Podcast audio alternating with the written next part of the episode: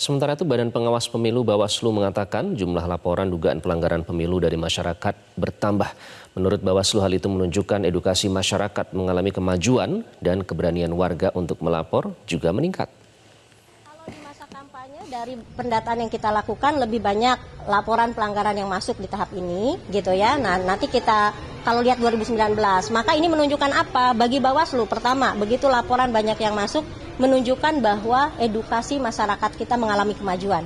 Keberanian orang untuk melaporkan mengalami kemajuan juga. Nah, sehingga dalam konteks ini tentu Bawaslu harus memandangnya dari kacamata positif ketika laporan itu banyak yang masuk gitu ya. Terbanyak apa Bu pelanggaran apa Bu? Saat ini masih pelanggaran uh, kode etik disusul dengan administrasi, disusul dengan hukum lainnya. Jelajahi cara baru mendapatkan informasi. Download Metro TV Extend sekarang.